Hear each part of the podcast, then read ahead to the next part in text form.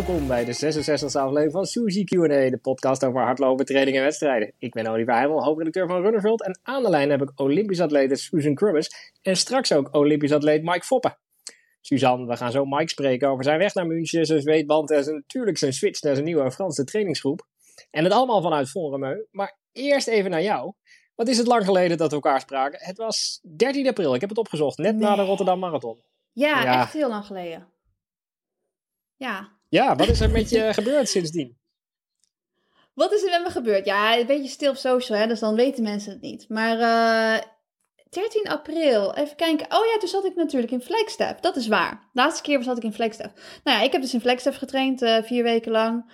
Um, eigenlijk wel redelijk goed kunnen trainen. Maar ik moet zeggen dat sinds ik uh, COVID heb gehad in januari, dat er ergens iets in mijn trainingen niet 100% goed gaat. Dus het betekent dat ik wel gewoon heel veel kilometers kan lopen. Maar alle uh, kwaliteitstrainingen, ja, daar heb ik gewoon moeite mee. Omdat ik op de een of andere manier heel snel verzuur. Dus ergens gaat daar iets mis. Ik heb allerlei testen gedaan. En misschien heeft het iets met de longen of met het hart te maken. Het is nog niet helemaal duidelijk. Maar goed, dat betekent dus dat ik dus wel uh, best wel veel kan trainen, maar uh, ja, nog geen wedstrijden kan lopen. Want ja, om wedstrijd, om wedstrijd te lopen moet ik wel kwaliteitstrainingen kunnen doen. Dus uh, ja, vandaar dat er eigenlijk niet zo heel veel nieuws is van mijn kant. Um, en dat ik ook nog geen limiet heb gelopen en ja, dat het qua toernooi een beetje lastig gaat worden deze zomer. Dus ja, dat is mijn nieuws. Ja, maar ik las dat Sivan Hassan een, een Susan Crummersje gaat doen. Gewoon zonder enige voorbereiding, bam, het WK. Ja. Dat... Maar dat is voor jou geen optie, want je moet een limiet nog, toch? Ja, ik moet inderdaad nog een limiet lopen. En, en ik moet zeggen dat met twee toernooien in de zomer, dat, dat het um, voor mij ook prima zou zijn om alleen op München te focussen. Uh, dus het was wel super mooi geweest als ik daar de 10 kilometer zou kunnen lopen. En het schijnt ook dat als je als uh, winnaar van een EK, dat je gewoon een wildcard krijgt. Maar helaas was ik tweede in Berlijn. Dus ja, dan krijg je dus geen wildcard. Ja, dus het is net, uh, ik had even wat beter mijn best moeten doen. Nou, ik heb de wedstrijd gezien. Volgens mij deed je wel je best. ja, ik heb wel redelijk mijn best gedaan, denk ik. Maar goed, ja, dat is, dat is natuurlijk wel echt balen. Want ik heb nu ook wel het idee dat het dat in mijn trainingen dat het eigenlijk wel eindelijk wat vooruit gaat. Want het heeft natuurlijk wel heel lang geduurd. En ik moet zeggen dat het echt wel heel frustrerend proces is geweest. Want als je een blessure hebt, dan weet je op een gegeven moment gewoon als het iets beter gaat. Um, en, en dat je het meer kunt belasten. En met dit is het zo dat ik, dat ik sommige weken had waarin ik best wel redelijk kon trainen. En dan andere weken dat, er weer, dat ik een threshold probeerde te doen. En dat ik gewoon na vijf minuten of zo al verzuurde. En ja, het hele idee van threshold is natuurlijk dat je niet verzuurt. Um, dus dat is wel een probleem. En, en heel veel mensen die ik erover gesproken heb, die zeggen, die er niet zoveel van af weten, die hebben ook zoiets van, ja, maar het is toch niet echt een probleem, want je loopt toch 10 kilometer en wat maakt verzuring nou weer uit? Maar je probeert natuurlijk als 10 kilometer zo lang mogelijk dat verzuren uit te stellen. Dus dat is wel een probleem als een 10 kilometer training opeens als een 800 meter training voelt. Um, dus ja, ik heb een aantal weken gehad dat het wel weer beter ging. En ik dacht van, oh ja, ik kan misschien nog wel een wedstrijd lopen.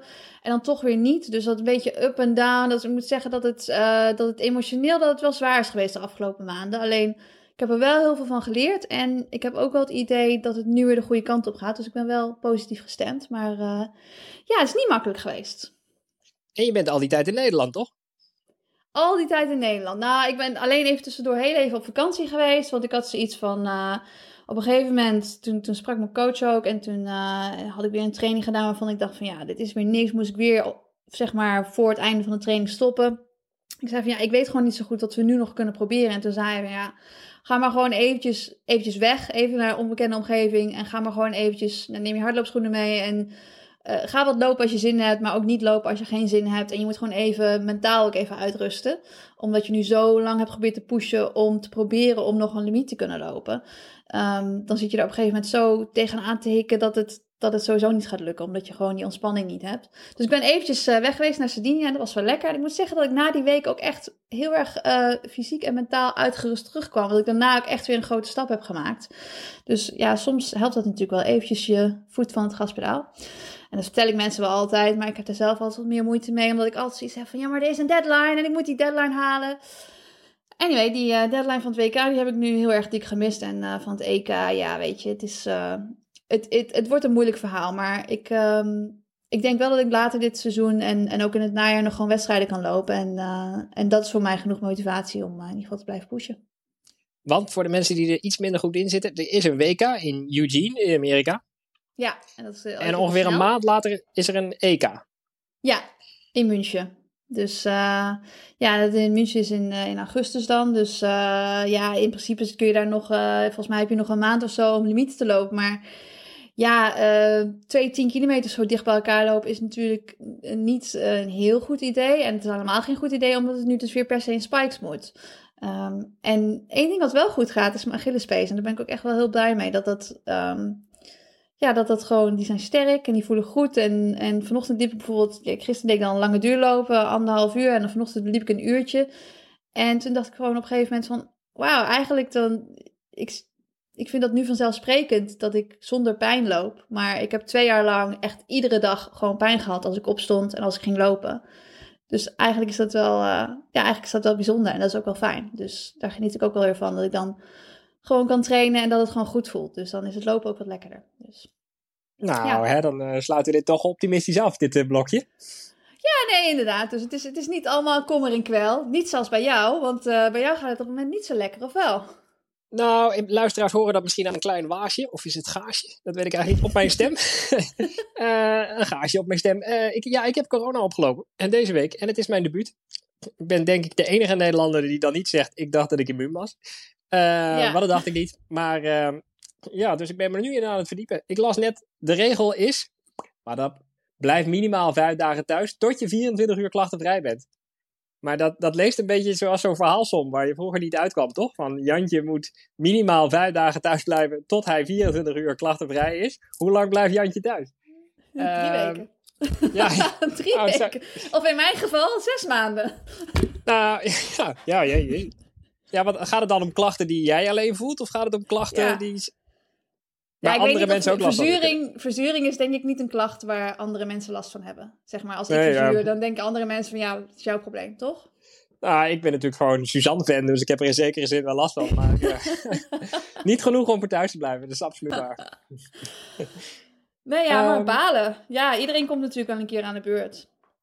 Ja, en uh, ik, was, uh, ik was in Parijs op vakantie. en ja. ik weet nog dat ik in de, de lift stapte naar de Eiffeltoren. En die lift die is die is best wel groot, maar behoorlijk vol overal. Met allemaal Amerikanen die zeiden: Ik heb COVID, ik heb COVID, heb jij ook COVID? Oh. Zo. Uh, dus er werd en hoe lang was die, was die lift dan? Hoe lang duurde dat? Want kon je je adem misschien gewoon inhouden of was dat geen optie? ik sluit niet uit dat mensen dat deden, want het was best een spannende lift. Hè? Die is dus glas van boven. Um, ja. Dus ik heb mijn adem niet ingehouden, maar ik dacht er wel over na. Ook in de metro en zo. Van, we zijn best wel weer snel gegaan van niks tot een volle ja. metro. Ja, ja, maar goed, misschien heb ik het gewoon wel thuis uh, opgelopen. Dat kan ook, maar... Ja. Het was het waard. Je... Ja, en wanneer heb je je eerste looptraining weer gepland dan? Uh, nou, ja, die heb ik voorlopig even niet. Ik was sowieso iets minder aan het lopen. Uh, maar ik denk ook, ik ben niet zo van die looptraining die ook slecht gaan. Die sla ik het liefst maar helemaal over. Oh, jij bent niet een goed weerloper, je bent gewoon een goed gevoelloper. Nou, sommige mensen vinden het een romantiek hebben, hè? dat je zo buiten adem bent al bij de eerste straathoeken en zo. Maar dat uh, is niet per se mijn ding. Nee, nee, oké. Heel verstandig. Nou, ik wil ja. even checken of je nog uh, doel aan het najagen was. Uh, nee, nee, nee, nee. Nee, ja, gezond worden. Dus ik, ja, ik hoop je snel te vertellen wanneer dit gaasje, baarsje van mijn stem verdwenen is. Ja, heel goed. Heel goed. Ik uh, zie er ook een beetje zweterig uit, maar dat komt ook door de hit in deze kamer. Want het nadeel van een podcast is dat je geen ramen open kan zetten. En het is wel het soort temperatuur waar je graag een raam open zou willen zetten. Ik ben natuurlijk thuis, hè. Dus. Ja, maar je zweet de COVID er nu lekker uit. Dat is hartstikke goed voor je. Heb je, ik... heb je afgelopen weekend nog het NK gekeken trouwens? Ik heb stukjes gezien, ja, zeker. Stukjes gezien, ja. Dat was wel, uh, er zaten een paar leuke races bij. Ik heb niet alles gezien, moet ik eerlijk toegeven. Maar, en ook niet helemaal live gekeken. Maar ik vond wel dat een aantal lange afstandsraces waren die, uh, ja, die wel interessant waren. Ook omdat we natuurlijk gewend zijn om altijd van die Diamond Leagues, waar alles gewoon gehaast wordt en meteen gewoon hard van de start in de lint. Waren er nu natuurlijk wel veel meer uh, leuke tactische races. Dus ik, uh, ik vond het wel vermakelijk, moet ik zeggen. Wat was jij? Ik heb eigenlijk vooral de 400 meter gekeken, maar wat was jouw hoogtepunt? Nou ja, dan hebben we, hebben we allebei andere dingen gekeken. Mijn hoogtepunt. Um, Oeh, dat is een goeie. Ik vond, uh, ik vond de 1500 mannen vond ik een, uh, een, een, leuke race. Omdat je dus echt uh, tot de laatste ronde dat je dacht van nou ja, wie gaat dit winnen? Want er waren eigenlijk twee, Robin van Riel en Tim Verbaandert. Die waren een beetje aan het strijden voor de winst. En toen ging Noah Baltus met de winst vandoor. En die dacht van, van zoeken jullie het lekker uit. Dus dat was wel, ja, vond ik een mooie race. Omdat het zo tactisch was. En de 5 kilometer mannen was ook interessant. Ehm, met Richard, Richard Dauma en, uh, en Abdi Mohamed. Ehm, ja, dat, ik, ik weet eigenlijk niet wat er allemaal gebeurde. Dat was een beetje gek, want Richard ging er als een speer vandoor. En ik dacht, gaat hij nou voor een limiet of zo? En toen uh, ging hij weer bijna wandelen. En uh, er gebeurde zoveel dat ik echt dacht van... Ja, het, ja ik weet het niet. Er gebeurde gewoon van alles. En uh, moeten we Mike misschien ook nog even over vragen daar. Want, uh, die ja, want die was er niet. Ik, uh, van alles. Nee, die was er niet bij. Um, omdat hij natuurlijk nog aan het afkoelen was van zijn race in Parijs. Ik denk dat hij inmiddels is afgekoeld. Daarom hebben we trouwens toen natuurlijk iets later, omdat jij COVID had. Hè, dat is, uh, kijk, want ik zei van, uh, we, gaan, we spreken er meteen na de race. Maar ik dacht van, dat kunnen we beter even uitstellen. Maar uh, ja, dus ik ben benieuwd wat, wat hij ervan vond van de races die hij misschien zelf ook mee had kunnen doen. Maar goed. Ja, want in Parijs had hij het ongetwijfeld heel warm. Want ik was tot een dag daarvoor nog in Parijs. En toen was het al 34 graden. Toen hij er was, was het volgens mij 38 graden, althans, smiddags. Ja. Ja, en dan kan het s'avonds ook nog wel eens dat het niet echt afkoelt. Dus, uh... Ik zat in de Thalys terug, het is de dag ervoor. Um, en op een gegeven moment moesten we stoppen bij een klein Belgisch stationnetje. Dat heb je niet zo vaak in de Thalys. Uh, omdat ze reserveflessen water moesten halen. Dus ik dacht dat uh, een onderdeel van de trein gekoeld moest worden. En dat was op zich ook zo. Maar het onderdeel van de trein dat gekoeld moest worden, waren de, de inzittenden bij de wagons waar de airco was uitgevallen. Dus er waren een paar wagons en uh, Esther liep daar toevallig doorheen. Daar, wa daar hadden mensen, die waren echt helemaal rood, helemaal zweterig enzovoort. En die, er was dus extra water voor gehaald. Want de DDR ook niet. Ja, ik had al over een hele comfortabele reis en ik zat ook gewoon tweede klas. Maar uh, ja, dus je kan pech hebben. Ja, je kan zomaar pech hebben in het leven. is hij er al, Mike, of niet? Voordat we in al, al te grote platitudes verzakken. Uh, nou, ik denk het niet. Oh ja, daar is hij. Daar is hij. Welkom, Mike. Hallo. Ik zou willen zeggen, zo te zien zit je in Vonderemeu, maar dat, dat kan ik niet echt waarmaken met een soort sauna-achtige achtergrond. Ja. Maar je zit in Vonderemeu, ja, toch? Ja, klopt. Ik ben uh, speciaal voor deze podcast naar een, uh, een ander appartement gereden, omdat de wifi bij ons bij het appartement niet goed werkt. Dus ik ben naar het appartement gereden waar ik de vorige keer zat, want ik wist dat de wifi hier goed was. En dan kan je gewoon weer in. Of er komt zo meteen iemand, stopt toevallig deze hotelkamer binnen. Nou, het is, ik zit bij de receptie, maar ik, ik wist ook dat er tussen, volgens mij 12 en 5 zit er niemand bij de receptie. Dus ik denk niet, me eruit, niet dat ze me eruit komen schoppen. Wauw, ik uh, waardeer deze enorme inspanning. ja, heel mooi. Is het druk daar? Uh, nee, eigenlijk niet. Het is, uh, het is echt super rustig. Ik had verwacht voor het WK dat er wel wat mensen hier op hoogte zouden zitten. Ja. Maar voor een sowieso, je ziet de atleten wat minder. In San Moritz uh, komt iedereen heel bij elkaar op de baan. Dus dan zie je heel veel mensen samen trainen en zo. Maar hier gaat iedereen met de auto en je hebt heel veel verschillende plekken om te lopen. Dus je ziet sowieso wat minder atleten. Maar ja, ja het verbaast me dat het, uh, dat het zo rustig is. Ja. Is de... Want los van de atleten zitten er ook nog wielrenners daar, toch? Klopt. Ja, er is een hele grote Noorse schaatsploeg zit hier. Die ook uh, ja, af en toe met de fiets zien die ook voorbij komen. Mm -hmm. en je hebt ook bij de baan heb je zo'n rondje waar ze kunnen schaatsen op, of hoe ze rolschaatsen, zeg maar. Dus daar zijn zij de aan het trainen. Maar ook fietsgroep inderdaad. Uh, als wij naar het meer rijden, iets verder naar beneden, dan uh, kom je mhm. wel vaak tegen. Je zegt met rolschaatsen. Ik... Suzanne ja. zit te lachen om het woord rolschaatsen. Ik zit echt skilers van die disco gear en zo. Hebben ze dan ook zo'n mooie zweetband als die van jou? Ja, zo, zo, zo lijkt het wel een beetje met een Noorse... Ze hebben allemaal Noorse pakjes aan. Het ziet er ja? wel komisch uit. En met die grote bandjes en zo. hey, uh, heeft je zweetband eigenlijk nog geholpen in Parijs? Want ik zei van ja, we doen deze podcast vlak na je race in Parijs. Dat je nog aan het nagroeien bent. Denk dat je nu al afgekoeld bent. Maar heeft het nog een beetje geholpen met het zweet? Uh, ik had hem volgens mij twee keer niet opgehad daarvoor. Want ik voelde dat de magie er een beetje uit was. Ik had hem, voor het eerst ja. begon ik hem te gebruiken in 2020. Dat had ik een heel goed jaar. En dit jaar was ik hem aan het gebruiken, maar ik was de magie een beetje kwijt.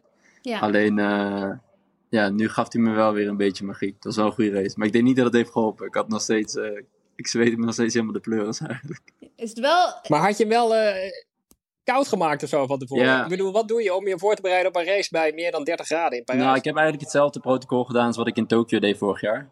Uh, dus natuurlijk door Tokio best wel wat kennis opgedaan voor ja, een wedstrijd lopen in die temperatuur. Het was iets minder benauwd, iets minder hoge luchtvochtigheid. Dus Tokio was wel iets heftiger nog. Mm. Alleen bijvoorbeeld iets korter inlopen, koelvest. Uh, toen we de kalm ingingen had ik een natte handdoek, uh, een pet op met ijs erin. Dus ik heb best wel veel dingen gedaan die, uh, die ik in Tokio eigenlijk ook deed. Maar goed, ook nog dus een kom je de baan op. of niet? Nee, nee, daar reageerde mijn maag de vorige keer niet zo heel goed op. Dus ik dacht, nee. ik doe dat maar niet. Maar het was ook, wat ik al zei, het was iets minder extreem dan Tokio. Dus het was op zich wat te doen. Ja. Alleen, ja, met inlopen had je bijvoorbeeld zo'n eh, machine langs de inloopbaan staan waar water uitkwam. En daar liep je dan elke, elke ronde langs. Ik dacht, als ze die gewoon in het stadion hadden staan, dat had ook superveel geschild. Ja. Ze, hadden wel, ze hadden wel water neergezet op de baan. Alleen op een 5 kilometer, als je met. eh, ja, je loopt 1 minuut 3 per rondje, 1 minuut 4 per rondje. Dan ga je niet het water pakken, zeg maar. Nee. Ik vond het heel gek om dat te doen. ja. Dus eh, ja, ik heb daar geen gebruik van gemaakt. Maar achteraf had ik het misschien wel moeten doen. ja. Was het wel het gesprek van de dag in de callroom, zeg maar? Of zijn er ook mensen die het gewoon heel lekker vonden? Nee, de warmte was wel. Alle Europeanen in ieder geval die ik had gesproken voor de wedstrijd, die waren allemaal heel wat bang. Dat is echt. Ja, als je ziet dat het boven de 30 graden is, dat is gewoon niet te doen eigenlijk op een 5 of op een 10 kilometer. Maar ja, uiteindelijk Ehm. maakt het toch niet zo heel veel uit. Want eh, ja, ja, als je voor een tijd gaat natuurlijk wel. Maar als iedereen heeft er, moet toch in dezelfde zeg maar, omstandigheden lopen. Ja, voor, voor de race maakt het inderdaad niet zoveel uit. En ik denk dat ik relatief een hele goede race liep. Misschien wel mijn beste race sinds twee jaar of zo. Ja. Ehm, alleen voor mij was het juist een hele belangrijke wedstrijd voor de tijd. Omdat het een beetje mijn laatste kant was voor het WK. Dus ja, ja dat was wel zonde. Maar goed, Ja. ik, kan, ik kan er niets aan doen. nee. Ja, ja, want Mike, ik heb het even opgezocht. Jij was ook bij ons te gast. eh, fysiek toen ook nog. In november 2019. We hadden nog nooit van COVID Oh. gehoord. En eh, Goeie oude Ja, Ja, tijd. de tijd. Oh, is- ja, jullie zijn wat jonger en worden hier heel melancholisch van. Ik heb daar heel last van. Maar eh, vervolgens had je een waanzinnig goed 2020. Waar je onder meer het Nederlandse record op de 5 kilometer evenaarde. Toen was 2021. Ik dacht dat het eigenlijk een beetje een moeizaam jaar was. Maar je stond wel op te spelen. En je werd twee keer Nederlands kampioen. Dus eh, ik zou ervoor tekenen. En toen 2022 is weer eigenlijk waanzinnig goed begonnen, toch? Met 3,37 en 13,20. Ja, het is. Ik denk als atleet ben je, als je een, een tijd loopt, dan ben je, ben je hoofd alweer een stapje verder daarna, zeg maar. Dus in mijn hoofd loop ik al twee jaar 13.05 en niet meer 13.13. Maar ik moet nog steeds heel erg strijden om 13.13 te lopen, zeg maar. Alleen ik denk dat ik fysiek en mentaal ook wel stappen heb gezet. Alleen dat het gewoon niet helemaal meer op zijn plek is gevallen sinds 2020. Eh, in 2021 begon het voorjaar heel erg kloten. Kreeg corona voor het baanseizoen. Had ik eigenlijk een hele korte voorbereiding. En toen ja, toch nog wel redelijk fit gekregen voor de Olympische Spelen. Alleen toen daar eh, in de series geblesseerd geraakt in de wedstrijd. Eh, nou, dan ga je alweer een beetje negatief de winter in, zeg maar. Toen van coach geswitcht. Wat mijn leven wel een beetje op zijn kop heeft gezet. En daar, dat heeft me meer energie en meer moeite gekost dan dat ik van tevoren had gehoopt, zeg maar. Eh, dus eigenlijk indoor was ik heel erg slecht dit jaar.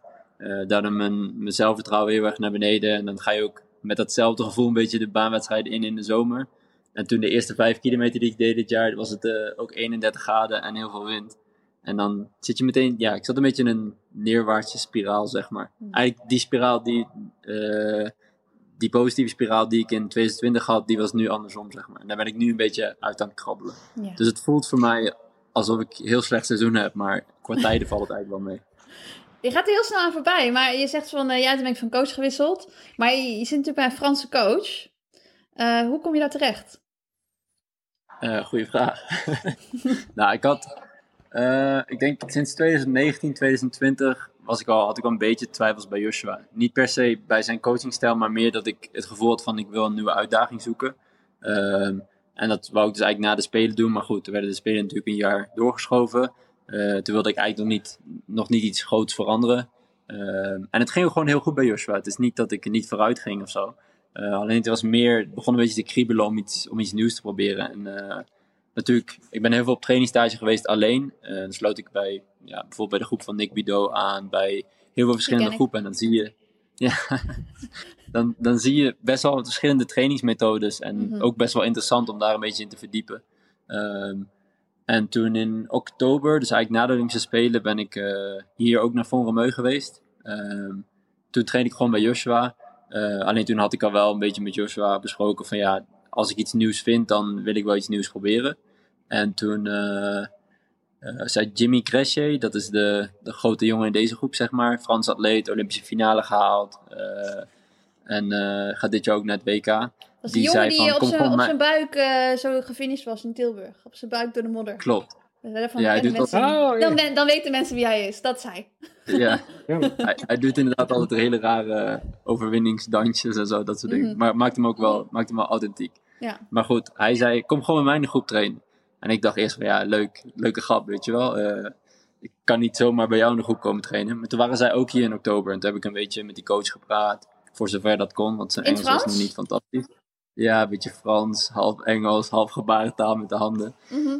Eh, maar ja, eh, de groep zelf was voor mij al eh, dat ik dacht, oké, dit is echt een stap voorwaarts voor mij om mee te trainen, zeg maar. De coach had ik wel een beetje mijn twijfels bij, omdat ik niet goed wist wat nou zijn, zijn filosofie was eigenlijk. Dus ik heb gewoon een tijdje zijn schema's uitgeprobeerd, eh, richting de Zevenheuvelloop eigenlijk. Mhm. Eh, maar goed, toen, toen ging de Zevenheuvel niet door en toen dacht ik van ja, was ik een beetje zo half bij Joshua, half bij deze coach. Ging ik van allebei een schema vragen, dat, dat voelt ook niet lekker. Ehm, dus toen heb ik gewoon de knoop doorgehakt en ik geze- eh, heb ik tegen Joshua gezegd, ik ga in ieder geval weg bij Joshua, zeg maar. Ehm, en dan die schema's van de Franse coach uitproberen. En zo ben ik een beetje erin gerold, zeg maar. Ja, leuk. En ze bevallen. Eh, ja, het is wel echt een hele grote switch. Ehm, Franse, Franse cultuur of de Franse loopfilosofie is wat harder trainen. Eh, dus ze doen echt wel harde baantempo's en echt wel eh, ja, trainen waarvan ik dacht voorheen dat ik die nooit kon doen, zeg maar. En bij Joshua had ik juist de aanpak van heel rustig. Dus eigenlijk vanaf junior heb ik het heel rustig opgebouwd. Ehm, eigenlijk iets verstandiger misschien bij Joshua dat ik trainde. Ja. Eh, maar aan de andere kant, ik had ook zoiets van, ik wil dat gewoon even helemaal loslaten en gewoon iets helemaal nieuws proberen om te kijken hoe mijn lichaam daarop reageert. Eh, en indoor was het dus heel slecht. Ik was ook, eh, ik had meer, minder kilometers gelopen. Ik was drie kilo zwaarder dan normaal rond diezelfde periode. En ik liep echt geen deuk in een pakje boter indoor. Ik was echt, ik voelde me echt zwaar over die indoorbaan heen. Volgens mij liep ik 13 seconden langzamer op de drie kilometer dan het jaar daarvoor. Was het spier? was het van Eh, alle krachttraining? Of waarom was je zwaarder? Of Nee, het was, ik weet niet, was en was het inderdaad een stuk spier. maar, maar ook, gewoon, ook gewoon te veel gegeten op trainingstage, denk ik. Ah, Nee, ik was, ik, ik was niet te zwaar om te lopen of zo. Het is niet dat ik Mm. dik was. Maar ik had wel echt wat meer spiermassa gecreëerd. Omdat ik wat andere kracht deed en wat meer Ja. sprintwerk. Ehm, en mijn, mijn nieuwe coach zei deed het van nee, maar we doen dit voor de zomer. Omdat je dat nu kan ontwikkelen, deze, eh, deze dingen kun je nu ontwikkelen. Maar richting de zomer kan dat niet meer. mhm. Eh, alleen ik dacht van ja, het zal wel, ik loop in de vast wel degelijk. Maar ik liep echt, echt heel erg slecht. ja. Volgens mij weet ik vierde op het, op het eh, NK, op de 1500, maar echt, ja, ik voelde me gewoon echt een papzak, zeg maar. en toen, eh, ja, dat, dat doet wel iets met je zelfvertrouwen. Zeker als je uit de, uit de Olympische Spelen komt, best wel teleurgesteld en denkt, oké, nu ga ik een nieuwe stap maken, nu ga ik vooruit. Ja, en je gaat gewoon drie zien. stappen achteruit. Ja, Ja, je wil, je, wil die, je wil die bevestiging krijgen dat je, dat je de juiste keuze hebt gemaakt. En dat heb ik heel lang, heb ik heel lang tegen aangelopen. Dat ik echt, eh, ja, ik, ik zei tegen mijn vriendin Julia, denk na drie trainen zei ik kapper mee. ik zei, ik ga weer terug naar Joshua. maar dat zie heb je ik dat, echt nu, heel wel- vaak zie je dat nu wel? Dat je, dat je denkt dat je de goede keuze hebt gemaakt en dat je hieruit... Want je bent die drie kilo weer kwijt, eh, denk ik. eh. Ja, ik ben inmiddels, eh, ik ben zes kilo lichter dan indoor. Nu. Oh. Ja. Wow. Dat is echt een groot verschil. Ehm, maar nu, ik zit nu al voor mezelfde gewicht als wat ik eh, had toen ik het Nederlandse koor liep, zeg maar. Mm. Dus het is, het is ook wel normaal dat ik nu dit gewicht heb. Maar normaal ben ik niet zo fluctueren. Ik was altijd heel steady in mijn trainingen. Ik liep eigenlijk elke week hetzelfde aantal kilometers en zo. En nu is het wat meer getemporiseerd. Maar het Eh, geloof heb je nu wel? Dat, dat, is, dat, is, dat vroeg ik me af. Ja, eh, eigenlijk toen ik uit de trainingstage kwam in mei had ik superveel zelfvertrouwen. Alleen toen die eerste wedstrijd waarin ik dacht, oké, nu ga ik bewijzen van dit was de juiste stap. Toen Ja. was het weer 32 graden en wind en toen liep ik 13,42. Liep ik eh, Mm. een halve minuut boven de WK-limiet. Toen dacht ik, ja, het is weer hetzelfde als indoor. En ja, daar heb ik wel echt moeite mee gehad om, eh, om daaruit te komen. Maar Mhm. ik denk met name door, die, door Hengelo en door die 1500'tjes kreeg ik echt wel weer wat zelfvertrouwen. En nu, denk na Parijs, heb ik weer zoiets van, eh, ik ben fysiek beter dan ik ooit ben Ja. geweest. Ik denk dat eh, mijn prestatie in Parijs eh, minimaal vergelijkbaar is met 13-13 zeg maar in Monaco. Dus Ja, het hoeft natuurlijk ook niet altijd in, van wedstrijden te komen, dat zelfvertrouwen. Je zegt ook van je doet trainingen waarvan je dacht dat je ze nooit kon. Dus ik neem Ja. aan dat je jezelf ook wel eens verbaast in trainingen. Ehm, ja, zeker. Maar het is, het is ook gewoon heel anders trainen. Dus ik denk daardoor... ja. De, de normale eikpunten die ik had bij Joshua, van oké, vorig jaar deed ik exact deze training en toen stond ik er zo Mhm. voor, die heb ik niet meer. Ik vind het heel Nee. moeilijk om te vergelijken met eh, wat ik vorig jaar deed. Maar als ik kijk, eh, ja, je moet, je moet altijd relatief eh, kijken. En dat, daar, op die manier sta ik er nu wel echt goed voor. Wat is de zwaarste training die je gedaan hebt? Wat voor, wat voor een programma en op welke manier is het dan zwaar? Is het veel volume of is het heel hard? Of, eh, Ehm, Nou, ik kreeg bijvoorbeeld, volgens mij was hij me vlak voor Inden was hij me een beetje aan het testen. Dus ik deed een 5 kilometer op 31 december eh, in Barcelona. En toen tien dagen van tevoren had ik mijn laatste specifieke training. En toen zei hij vijf keer twee, eh, drie keer twee kilometer op een indoorbaan. En Mhm. ja, ik ga wat tijden noemen, maar ik zal zo zeggen hoe, hoe hard dat ongeveer is. Het was de eerste kilometer in 2 minuten 45 en de tweede kilometer in 2 minuten 35. Dus dat is vergelijkbaar met mijn 5 kilometer tempo. Ja. En hij zei, doe dat maar, doe dat maar drie keer twee kilometer met eh, twee minuten pauze. Dat was de training. En ik Ja. zie dat programma en ik denk, wat lul je nou? Dat is een grap. Dat is eh, een halve minuut tot 40 seconden harder dan wat ik bij Joshua ge- gebruikelijk qua tijden liep in training, zeg Mhm. maar. ja. Eh, ik- en ik ging die training zoeken helemaal naar de kloten. Ik heb die tijden by far niet gehaald. Ehm, maar het was, ik denk dat hij me gewoon aan het testen was. Kijken hoe ik ervoor stond en kijken hoe ik met zo'n training omging. Ehm, maar daarna heb ik die training nog een keer gehad en toen had ik wel de tijden. Eh, nu voor het baanseizoen. ja, dus nice. ik, ja, sinds december tot nu heb ik ook al echt een grote stap gezet. Ja, mooi. En eh, wordt je Frans ook beter, of niet? Sorry, in Potjafstrom. Eh, nee, sorry, wordt je Frans? Eh, je je Oh, beheersing van de Franse taal. Eh, nou, de groep spreekt niet fantastisch Engels. Eh, een deel wel, maar een deel ook niet. Dus ehm, ja, ik ben wel een beetje verplicht om mijn Frans ook te ontwikkelen. Maar dat gaat wel de goede kant op.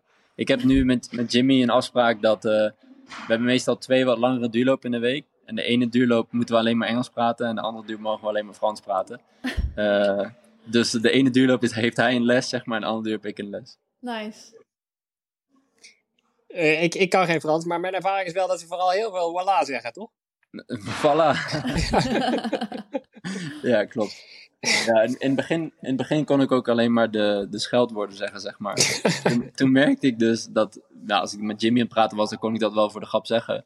Maar toen had ik de neiging, was ik met de coach aan het praten, was om ook zoiets eruit te laten vloepen. Toen dacht ik, oh nee, dat, dat kan niet bij hem. Daar moest ik wel een beetje aan wennen. Is het meer respect voor de coach? Is het wel eh, wat meer in de groep? Ja, ook die, eh, die verhouding is wat anders. Ja. Ehm, ook omdat, ja, we hebben wel een, een- gewoon een stuk professionelere groep. Er zitten eh, drie Olympiërs in, twee die Mhm. dan dit jaar voor het WK hebben gekwalificeerd. Eh, een aantal eh, medaillewinnaars op eh, EK's, onder 23, junioren. Dus het is wel echt een, ja, een, stap hoger dan het team waar ik eerst in trainde. Ja. Maar dat merk je ook wel in, op een trainingstage is het een stuk serieuzer, zeg maar. En ook inderdaad qua respect voor de coach. Maar het is ook wel, we hebben nu een, een hoofdcoach, dat is eigenlijk mijn vaste coach nu. Eh, dan is er een assistentcoach die doet meer eh, alle testen, dus eh, lactaatwaardes, eh, bloedwaardes, die houdt dat allemaal bij. Eh, en hartslagen, dat soort dingen. En dan is er nog een tweede assistentcoach, eh, die ook erbij betrokken is. Dus het is ook een wat, wat groter team dat eromheen zit, zeg maar. Ja. Oh, Dus, Ik, ik, ik zat ook nog te kijken. In november 2019 was je natuurlijk iets jonger enzovoort. En iets minder ervaring. Zijn er dingen die je sindsdien geleerd hebt? Die jij als het ware nu tegen de Mike van toen zou willen zeggen? Ehm, ik vind het lastig, want ik ben, ik, toen was ik heel erg onbevangen. Dus ik, was, ik ging elk jaar nog heel erg vooruit. En toen, eh, ik, ik heb juist eigenlijk het afgelopen half jaar misschien wel het meeste geleerd over Mhm. mezelf. Eh, omdat ik altijd een soort blind vertrouwen had in mezelf. Omdat ik zo gewend was om elk jaar stappen te maken. Dat ik dit jaar voor het eerst merkte van, oh, je kan ook een jaar hebben waarin het niet zo makkelijk vooruit gaat, Mm. zeg maar. Eh, en ik denk dat dat pas nu, ja, ik ben ook gewoon heel verwend geweest in 2019 en 2020. Elke wedstrijd was raak. Maar, maar niet uit Mm. wat ik voor afstand deed. Volgens mij liep ik in één week een 5, een 3 en een 10. Ik liep allemaal PR's. Dat is gewoon, Hmm. op dat moment denk je dat is normaal. Maar eh, op een gegeven moment ga je ook wel inzien dat dat, eh, dat, dat soort men- momenten heel speciaal zijn. Ehm, en ik denk dat ik eh, vooral het afgelopen jaar heb geleerd dat eh, cijfertjes en nummertjes, waar eh, hardlopers eigenlijk zo, altijd zo autistisch mee bezig zijn, dat die niet altijd alles zeggen. Ehm, en dat, dat het ook goed is om die los te laten. Ik was zo gefocust op. eh, afgelopen jaar, half jaar, was ik echt heel erg gefocust op maar bewijzen dat ik de juiste stap had gemaakt. En dat Mhm. puur uit tijden en het hartslagen en het lactaatwaardes, daar wil ik dat uithalen. Terwijl eigenlijk heeft dat helemaal niks mee te maken. Het heeft gewoon meer te maken met het gevoel dat je hebt tijdens de races. Eh, en het plezier dat je eruit kan halen. En dat, dat stukje plezier, daar heb ik wel eh, moeite mee gehad afgelopen half jaar. Dat ik, tuurlijk, vond hardlopen leuk. Alleen, eh, ik deed niet meer omdat ik plezier erin had. Maar ik deed het omdat ik per se harder wilde lopen, zeg maar. En dat is de verkeerde, dat was voor mij in ieder geval de verkeerde approach. Ja, die progressie die zit niet, niet altijd in, in, in statistieken. Dat zeg maar nu Nee. ook dat je vooruit gaat. Dat is, dat is misschien niet meteen in een PR uit te drukken. Maar uiteindelijk als je straks een, een eh, goede klassering op het EK hebt. En helemaal geen PR loopt dit jaar. Dan is het natuurlijk gewoon een vooruitgang geweest dit jaar. Dus ik denk wel Ja. dat, dat, eh, dat het mooi is dat er, op- dat er in ieder geval verschillende manieren zijn om progressie te boeken. Ja, en ik denk dat de Olympische Spelen vorig jaar heeft ook wel een beetje mijn mindset veranderd in de zin van als je, ehm, als je wil kwalificeren voor de Spelen is dat het mooiste wat er is. Je bent gekwalificeerd, je hebt het hoogst haalbare gehaald. Maar als je dan eenmaal daar bent en je kijkt om je heen, dan is het weer normaal voor je, zeg maar. Dus je gaat heel, heel snel, als atleet ga je heel snel in je hoofd met, oh dat is super vet. En dan ben je daar en dan denk je, oké, dit is normaal nu. De Spelen is nu normaal. Dat Ja. het, als je de Spelen niet haalt, is het slecht. Als je Spelen wel haalt, is het normaal. Dat, dat, zo gaat je hoofd nou eenmaal werken. Ja. En toen was ik ja, dus geblesseerd geraakt in Tokio. En dan kom je daarvan thuis. En dan, ja, iedereen heeft het over de eh, dip na de Spelen, bla bla bla. En dan kom je daar pas echt in. En dan merk je pas echt wat dat is. Dat niks eigenlijk meer eh, geeft die prikkel meer. Omdat je denkt van ja, de Spelen, dat is nu normaal. Dus een, eh een EK Cross vond ik helemaal niet leuk. Omdat ik dacht van ja, dit, is, dit stelt niks voor. En ik werd twintigste. Het is niet dat ik makkelijk won of zo. Ik werd twintigste en ik dacht van, eh, oh, dit is niet leuk. En dat is, ja, dat, dat is wel iets waar ik in moest schakelen van eh, eh, dat ik mijn plezier eh, op een andere manier moest gaan zien, zeg maar. Eh, Ja. Plezier in racen en eh, niet per se in van het moet maar altijd presteren zijn. Ja. Tuurlijk, het is, presteren is het belangrijkste, maar eh, plezier is denk ik eh, ja, heel belangrijk daarin ook. Nou, ik kan me ook voorstellen dat je bij, bij de Spelen ook iets hebt van, is dit het nou? Want uiteindelijk is het gewoon natuurlijk ook een wedstrijd. Maar dat je, als je over 30 jaar als zeg maar, de oudere Mike op een feestje staat, dat het wel weer heel leuk is om te kunnen zeggen dat je op de Spelen hebt gestaan.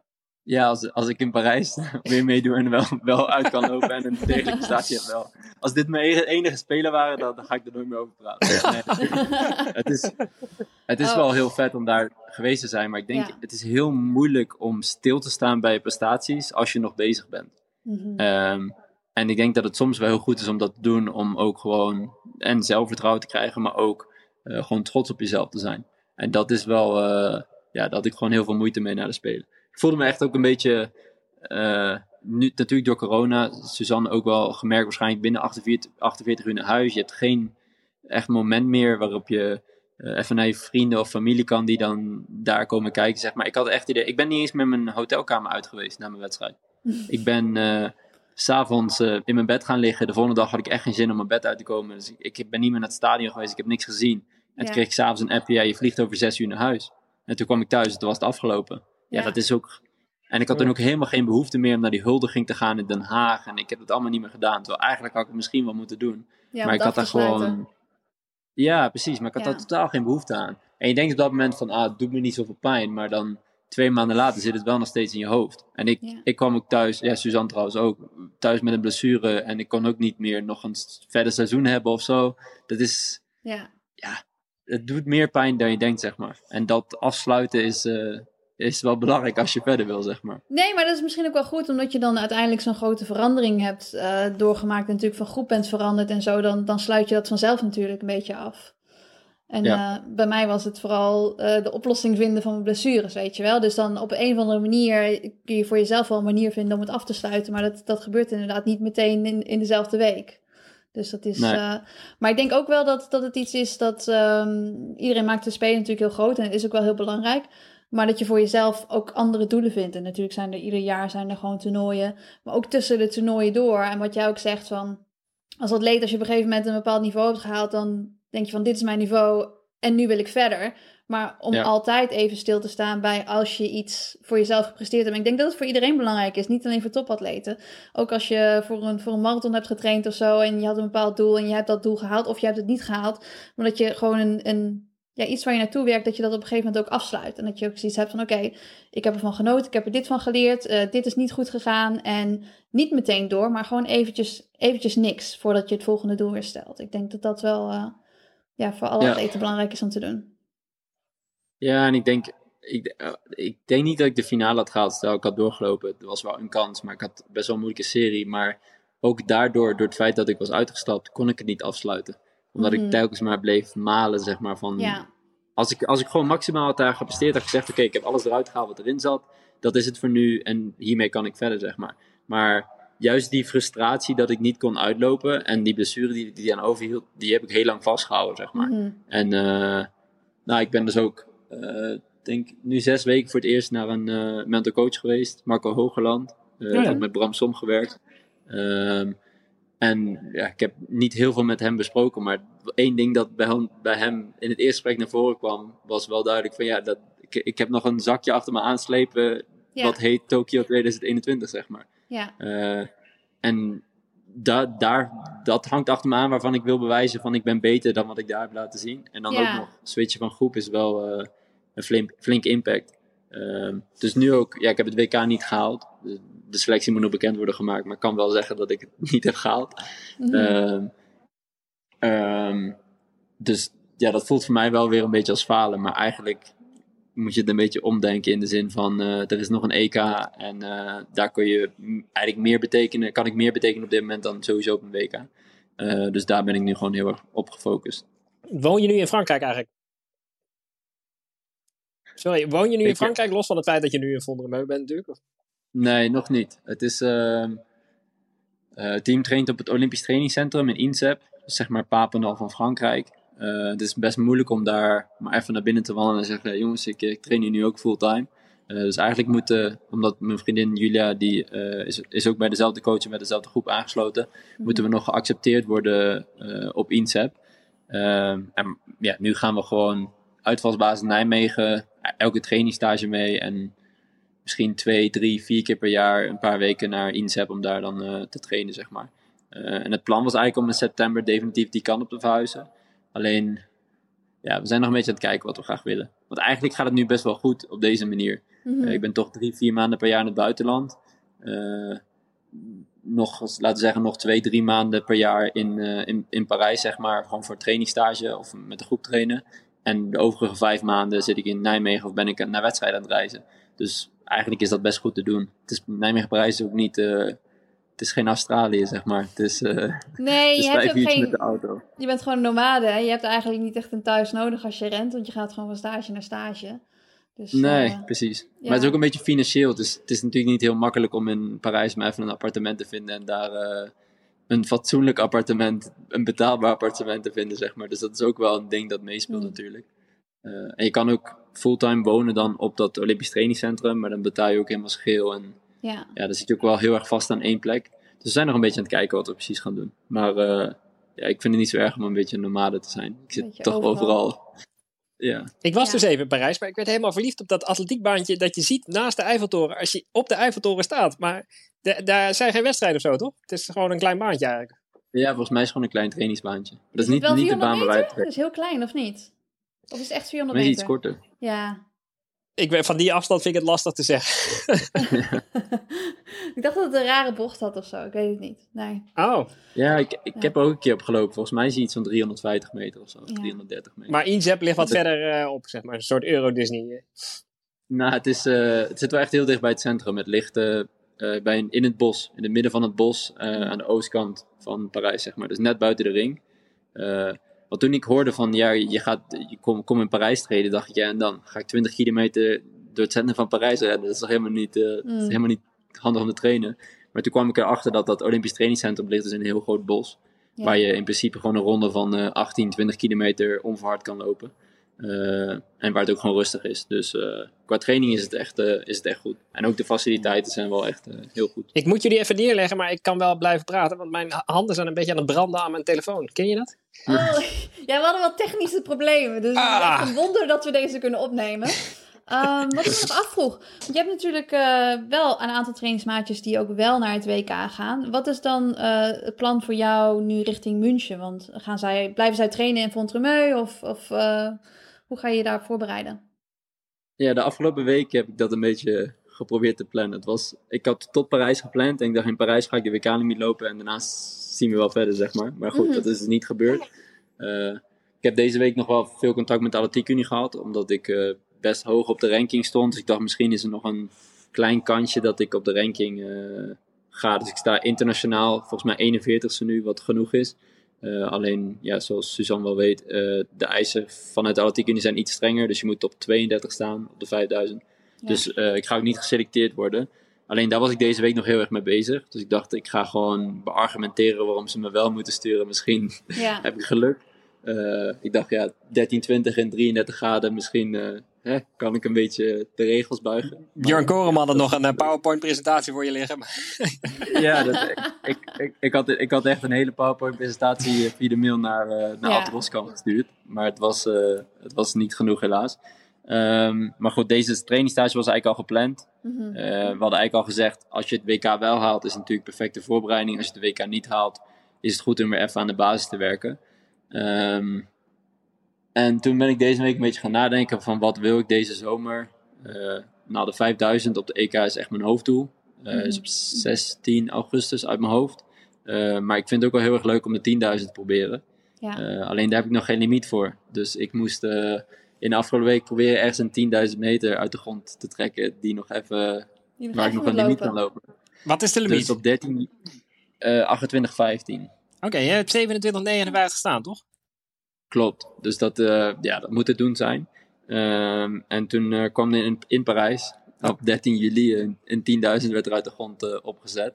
Met een aantal Franse jongens die ook voor de limiet gaan. Eh, dus ik ga hoogstwaarschijnlijk 13 juli die wedstrijd lopen. Oké. En leuk. toen eh, kreeg ik gisteren te horen dat ik eh Stockholm Diamond League kan lopen donderdag, overmorgen.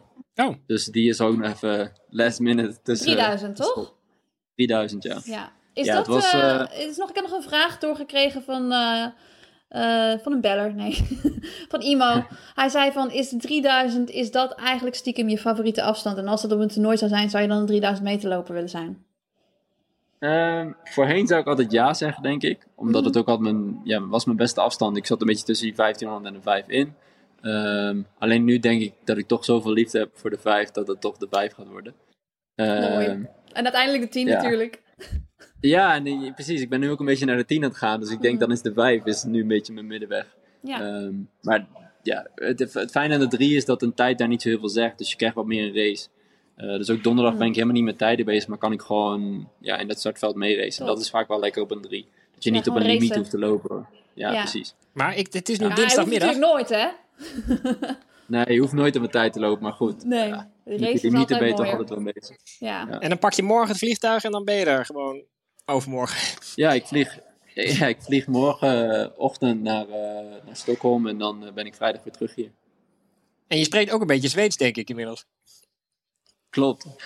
Ik kan, eh, kan goed oefenen deze week in ieder geval.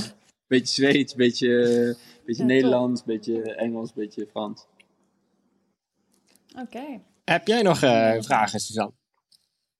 Ja, ik zat even te denken. Heb, ik jou, heb, jij, de, heb jij de vragen wel? Olivier. De vragen. Ja, er waren niet heel veel vragen. Er was iets over saus. Nee, het- Saus op de pasta of naast de pasta. Nee, maar in het, in het verhaal waren dus heel veel vragen. Maar ik, volgens mij heb ik die helemaal niet aan je Nee, nee, nee. nee, Of het, nee. Ja, het kan ook mijn COVID zijn, maar eh, Ja, maar zal ik ze er dan maar gewoon bij pakken? Ja, Want er zijn wel best wel... Jij zegt dus, er zijn geen vragen. Maar dan kan ik ondertussen wel even kijken. Maar dan kunnen we misschien ondertussen even vragen aan Mike. Wat was er met... eh, want jij hebt natuurlijk de 5 kilometer op het NK niet gelopen. Wat was er met... eh, eh, Richard Dauma heeft natuurlijk wel gelopen en gewonnen. Wa- wat was het verhaal? eh, ik weet het niet. Ik heb het een beetje wij dachten gemist. eindelijk een fitty te, zijn, te zien in de Nederlandse vraag atletiek. van iemand. Maar misschien kan hij het gewoon Nee, uitleggen. was wat het- was... Er was niet echt een fitty. Ik heb er ook gewoon met Richard gewoon over gepraat. Maar in, in Nederland is het vaak als je iets op Instagram zet en dat is tegen wat, men, wat je hoort te zeggen, zeg maar. Dan is het meteen één groot drama en dan gaat iedereen zich ermee bemoeien. Terwijl ik dacht, ik creëer gewoon een beetje, ja, een beetje beef, een beetje fitty, net zoals in Amerika altijd. Maar goed, in Nederland wordt het altijd zo opgeblazen. Eh, nee, ik, ik was die 5000 aan het kijken. Ja. En ik wist dat eh, Richard was volgens mij van plan om voor de EK-limiet te gaan. Oh, toch wel? Ehm. Zie, ik dacht al, ga- hij gaat hard weg. Ja, en Ja. Dat, deed, dat deed hij dus ook. Alleen Ja. na vier minuten merkte hij volgens mij al van het gaat me niet worden vandaag. Stond een beetje wind en niemand wilde echt meehelpen. En Mm. toen liet hij zich terugzakken. En toen had ik iets op Instagram gezet van nou als je echt ballen hebt dan... Zo bedoelde ik het zeg maar, als je ballen hebt ram dan Ja. gewoon door en probeer gewoon de limiet te lopen zeg maar. Ja. Alleen eh, daarna kreeg ik allemaal berichten dat ik eh arrogante klootzak was. En ik weet niet wat, ik, al- wat, wat mensen allemaal zeiden. Terwijl ik probeerde gewoon een beetje, hè, een Ja. beetje drama in atletiek te krijgen. Eh, Nou, dat is gelukt maar goed, ik heb- ja, dat is wel gelukt inderdaad. Alleen ik word wel eh, weg, weggeschepen. Sorry,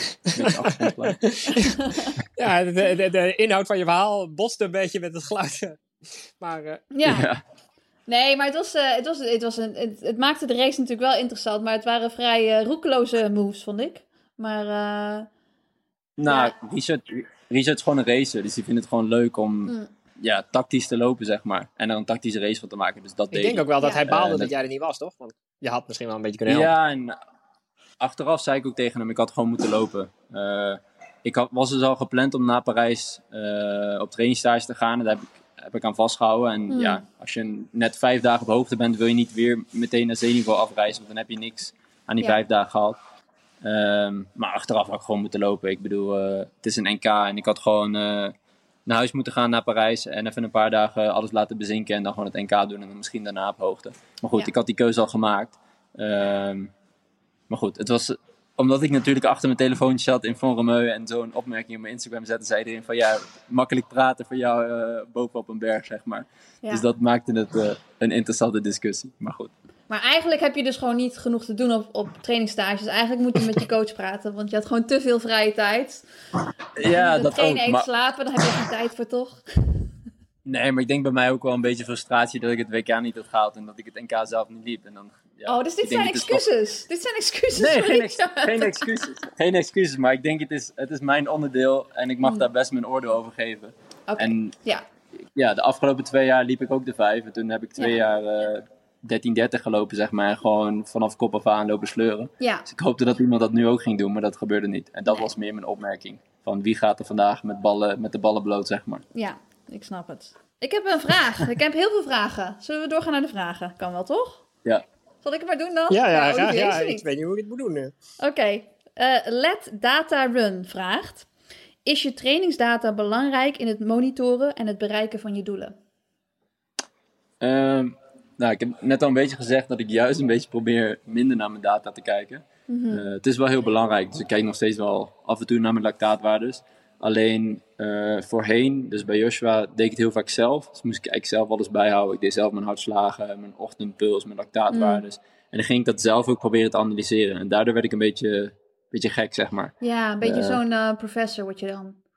Ja, en ook gewoon. Ja, het is, het is de taak van de coach, vind ik, Ja. om dat te analyseren en daar eh, iets mee te kunnen, zeg maar. En eh, het programma aan te passen. Ja. Alleen om dat nou zelf te gaan doen, dat maakt je gewoon helemaal gek. Dus ik heb het nu een beetje losgelaten. Ik had ook een heel uitgebreid logboek, waarin ik al mijn hartslagen, mijn ochtendpuls, weet ik veel wat, mijn kilometers allemaal opschreef. Nu Ja. doe ik helemaal niks meer. Ik denk gewoon, ik krijg mijn programma, ik volg het programma en verder wil ik niet meer nadenken, zeg maar. Ja, nee, ik, ben, ik moet zeggen dat ik ook altijd wel een beetje van, een beetje van data wegblijf. En dan nu, ja, je hebt het verhaal gemist, maar omdat ik over het heb gehad, verzuur ik steeds. Dus eh, meet ik het lactaat ook wat meer.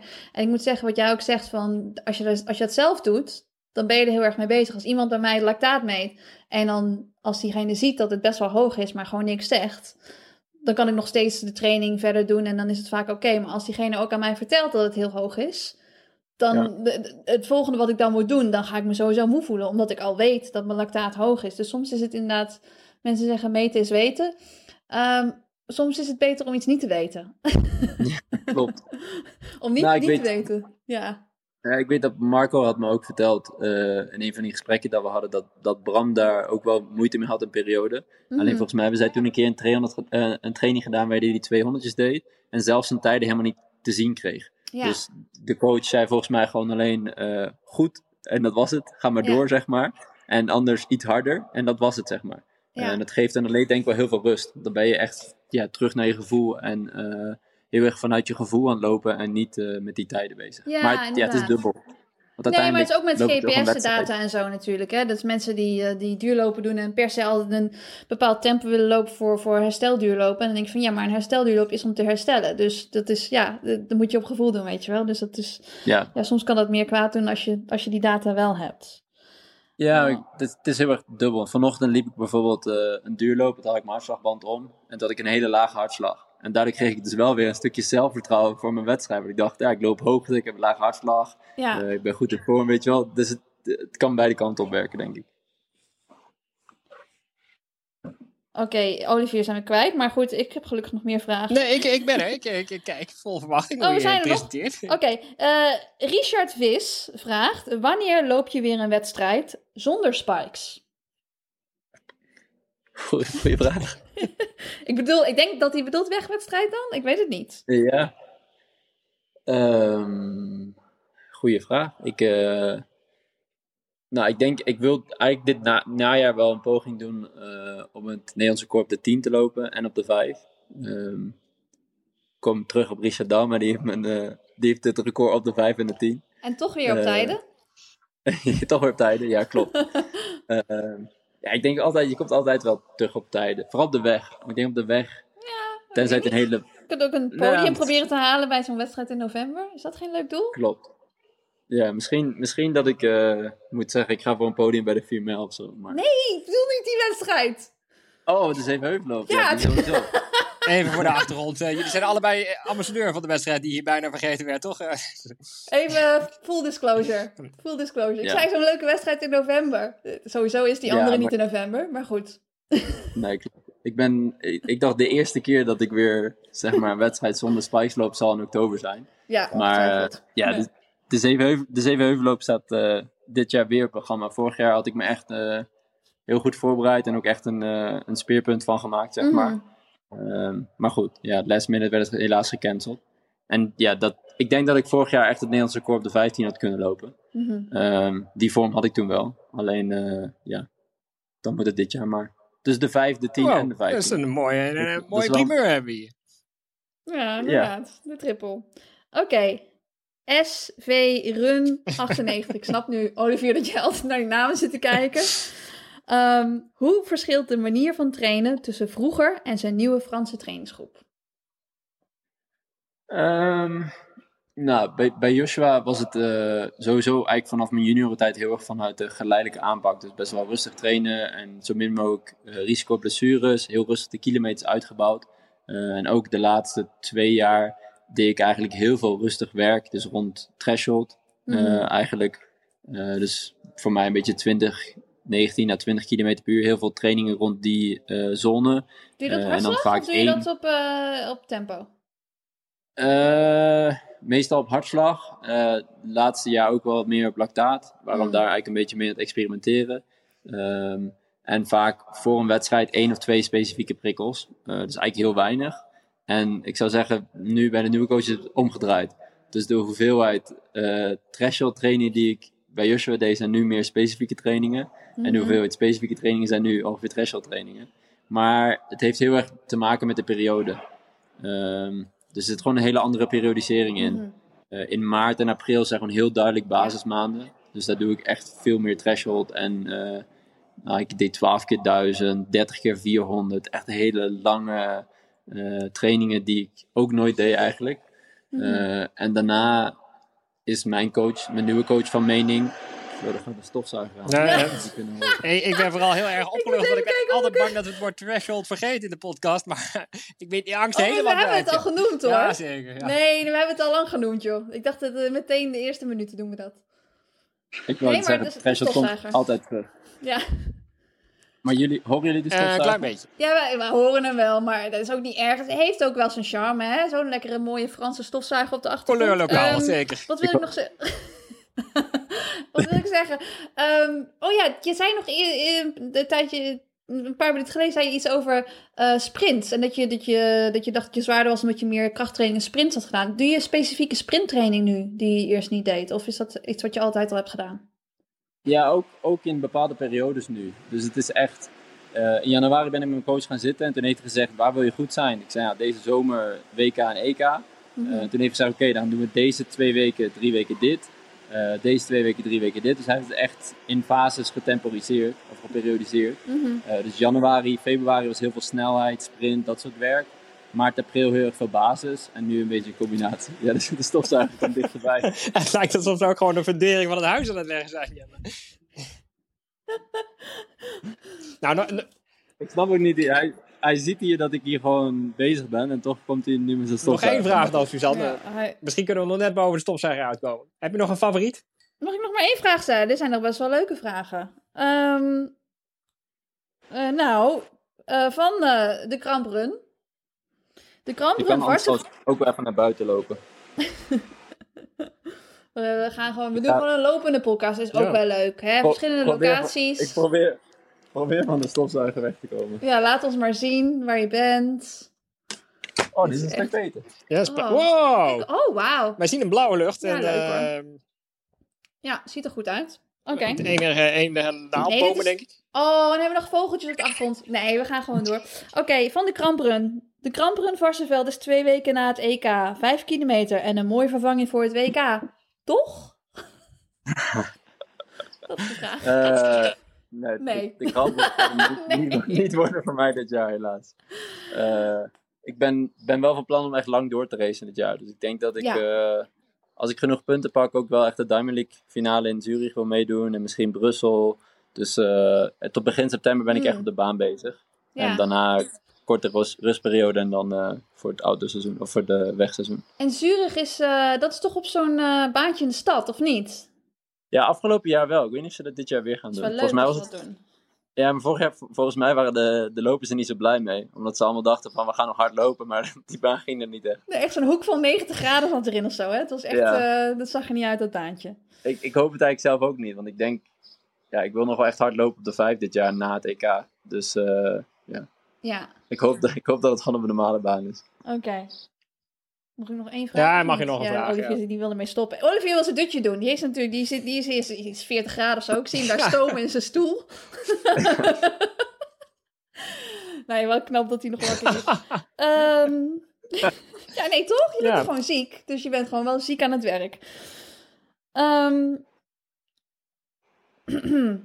vraag voor Mike. Hoe is je... Oh, sorry, van Viveen Rob. Hoe is je overwinningsgebaar ontstaan? Geen, geen specifieke reden. Ik, ik liep, volgens mij was Monaco de eerste keer. Het was, het was een beetje... Ik kwam Oh, is dat dit? Dit? Doe je dit? ja, ja, Eh, maar- het zijn twee vuisten, een Ja. beetje, en dan je... je Ja, maar soms krijg je ook berichten en dan stuurt iemand een foto door van iemand die dat ook doet, een andere sporter ergens in de wereld. En die zegt dan, hij doet jouw gebaar. Terwijl ik denk van ja, het is toch gewoon je spierbal laten zien. Dat doet volgens mij al vrij lang. Volgens mij ben ik Ja, niet de eerste. Ik laat ook heel vaak mijn spierballen zien. Nee, maar het was ook, Olivier, toch? na Monaco, na Monaco door, door corona zat er bijna geen publiek die ik kende op de tribune. Mm. En ik weet dat ik eh, om me heen keek en ik dacht, ja, met wie ga ik het vieren, zeg maar. En toen zag ik Bjorn Paré met zijn camera staan, die was aan het roepen. En toen dacht ik, nou, ik laat mijn spierballen hebben zien aan Bjorn Paré en zo is het ontstaan. Ja, dus Het is niet dat ik van tevoren dacht van... eh, nee, en toen, het is niet dat ik van tevoren dacht van... eh, dit ga ik doen na mijn wedstrijd. Dus ik denk vaak zulke gebaren komen een beetje spontaan. Maar ik Ja. doe het nu eigenlijk ook nooit meer. Want ik loop, ik loop niet hard genoeg Ah. Ah, maar straks als je de 5 en de 10 en de 15 gaat pakken, dan, dan is er alle ruimte voor. Ja, Ja. dan mag het weer. Eh, nog een vraag van mij. Ja. Wat is je doel voor München? Daar is het EK even voor de luisteraars. Ik wil zeggen genieten. Mhm, Dat is het Dat is belangrijkste. een goed doel. Dat ik eh, ja, gewoon een toernooi inga met eh, hoe mooi dat ik hier kan staan en kan racen. En ik hoop dat er veel publiek is en zo. Eh, voor mij zal het ook de eerste keer zijn dat ik ook echt in een vol stadion of dat er veel publiek bij een wedstrijd is.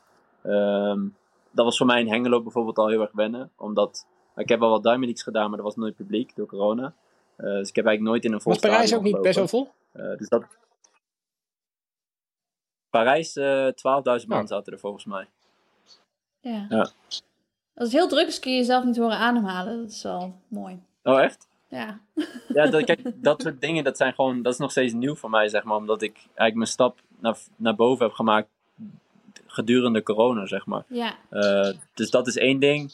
Eh, ja, een kwalificering vind ik heel lastig eh, te zeggen. Ik, tuurlijk, ik denk als je de 5 en de 10 zijn allebei direct finale. En als je in een finale staat, dan wil je altijd voor de medailles meelopen. Mhm. Eh, dus daar ga ik uiteraard mijn best voor doen. Maar eh, ja, ik ga me niet eh, zeg maar na de wedstrijd zeggen van ik heb geen medaille gepakt of ik heb geen top 5 ge- gehaald. En dan zeggen van ik heb een slechte wedstrijd gelopen. Dus ik ga gewoon eh, ja, doen waar ik, waar ik goed in ben en zo, zo hoog mogelijk proberen te eindigen. Maar goed, een eh, top 10 eh, op één van die afstanden moet natuurlijk altijd wel eh, haalbaar zijn, denk ik. Top.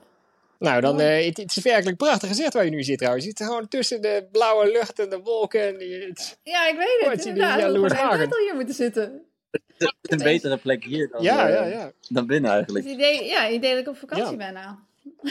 Ehm, ja, nee, heel erg bedankt. Volgens mij kunnen we hem gaan afsluiten, toch? Denk Ik wel. moet nog even één anekdote kwijt, eh jij Suzanne, want ik weet dat de mensen op rekenen. Ik had het al verteld op Instagram, maar ik ging dus iedere keer in Parijs een wedstrijdje doen, de metro op, met mijn dochter. Zoals iedere vader wel doet waarschijnlijk. En dan kijk je zo allebei een beetje naar welke roltrap dan het minst vol is. Want ja, als je omhoog wil, dan ja, je kan je nog zo hard lopen, maar als hij vol is, dan kom je gewoon niet omhoog. Dus ik kies eh, links en zij kiest rechts. En ik denk, ik ben ik ben gewoon aan het winnen. Dus ik, eh, ja, ja, ja, ja, ja. En dan kijk ik nog één keer opzij. En haar roltrap eindigt gewoon op een hele andere plek. Gewoon, die, ze verdwijnt gewoon in een zwart gat. Dus ik kijk opzij. Ik denk, nee, niet. En ik moest gewoon nog een stuk omhoog. Dus ik kijk om en Esther die staat achter mijn dochter, mijn vrouw. En die, die doet zo met de handen van, ja, ik weet ook niet wat dit is. Dus ik kom mijn roltrap af, ik zie ze niet meer. En ik denk dat ik echt wel een kwartier heb gedacht, ja, ja, wat nu? Want zij hadden mijn telefoon ook, die had ik niet zelf. Ik kijk zo die roltrap af, maar dat zijn echt hele lange roltrappen in Parijs. Hè? En die ga- gaan behoorlijk snel en die zijn behoorlijk druk. Dus je kan niet echt de roltrap aflopen. Los van het feit dat het best wel lastig is om een roltrap af te lopen die omhoog gaat. Eh, ik weet niet of je dat wel eens hebt gedaan, maar dat ziet er best wel dom uit als het je niet lukt, zeg maar. Als je zo op het laatste moment strandt en dan toch weer terug dus ja, ik eh, ja, heb een kwartiertje na. Je hebt ze sindsdien niet meer gezien, of Nou, wel? ik heb heel lang nagedacht, wat zouden gewone mensen doen in deze situatie? Imo zei, ja, gewone mensen komen niet in die situatie. Maar eh, toen, ben, Nee, dat is waar. toen ben ik toch maar naar buiten gelopen en toen zag ik ze gelukkig. Oh, ja, het is een beetje een anticlimax, maar goed eh, verdorie. Ja, nee, hartstikke fijn. Ik snap de paniek. Dankjewel. Ik snap de paniek. Ja. Nou, oprecht, op, in zo'n metrostation, me- metrostation in Parijs is het wel chaos hoor. Als je daar op het verkeerde moment de weg kwijtraakt, dan Het dan is vind je de weg ook niet meer je Ja, ziet ook iedereen steeds maar Ja. kijken op die kaart. Waar eindigt deze metrolijn? En eh, nee, dat ik eh, respect voor mensen die eh, in Frankrijk trainen. Dan gaat het worden straks met de Ja, Spelen. hè? Ja, maar überhaupt Parijs is wel echt, het is echt chaos daar. Ook qua Mm. verkeer, qua...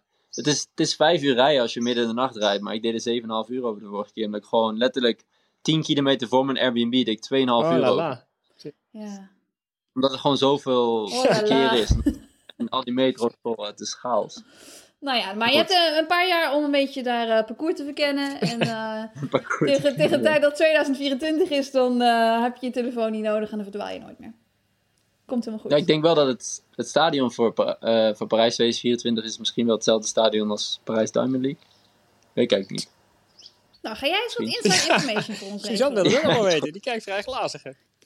Ja, jij Ik- zit ik daar, weet ja, wel- je zit daar vlak bij de source, Ik- hè? Dan moeten we wel even... Ik weet wel dat ze het, het Olympisch dorp zo dicht mogelijk bij de Eiffeltoren willen hebben. Oh, wat leuk. Oh, Dat is wel tof. Ik ben jaloers op jullie. Ik eh, ga hem afsluiten. Zo zijn we helaas aan het einde gekomen van deze 66e aflevering van Suzy Q&A. Dank Mike, dank Suzanne, dank beste luisteraars. Ook namens Suzanne, blijven luisteren en lopen.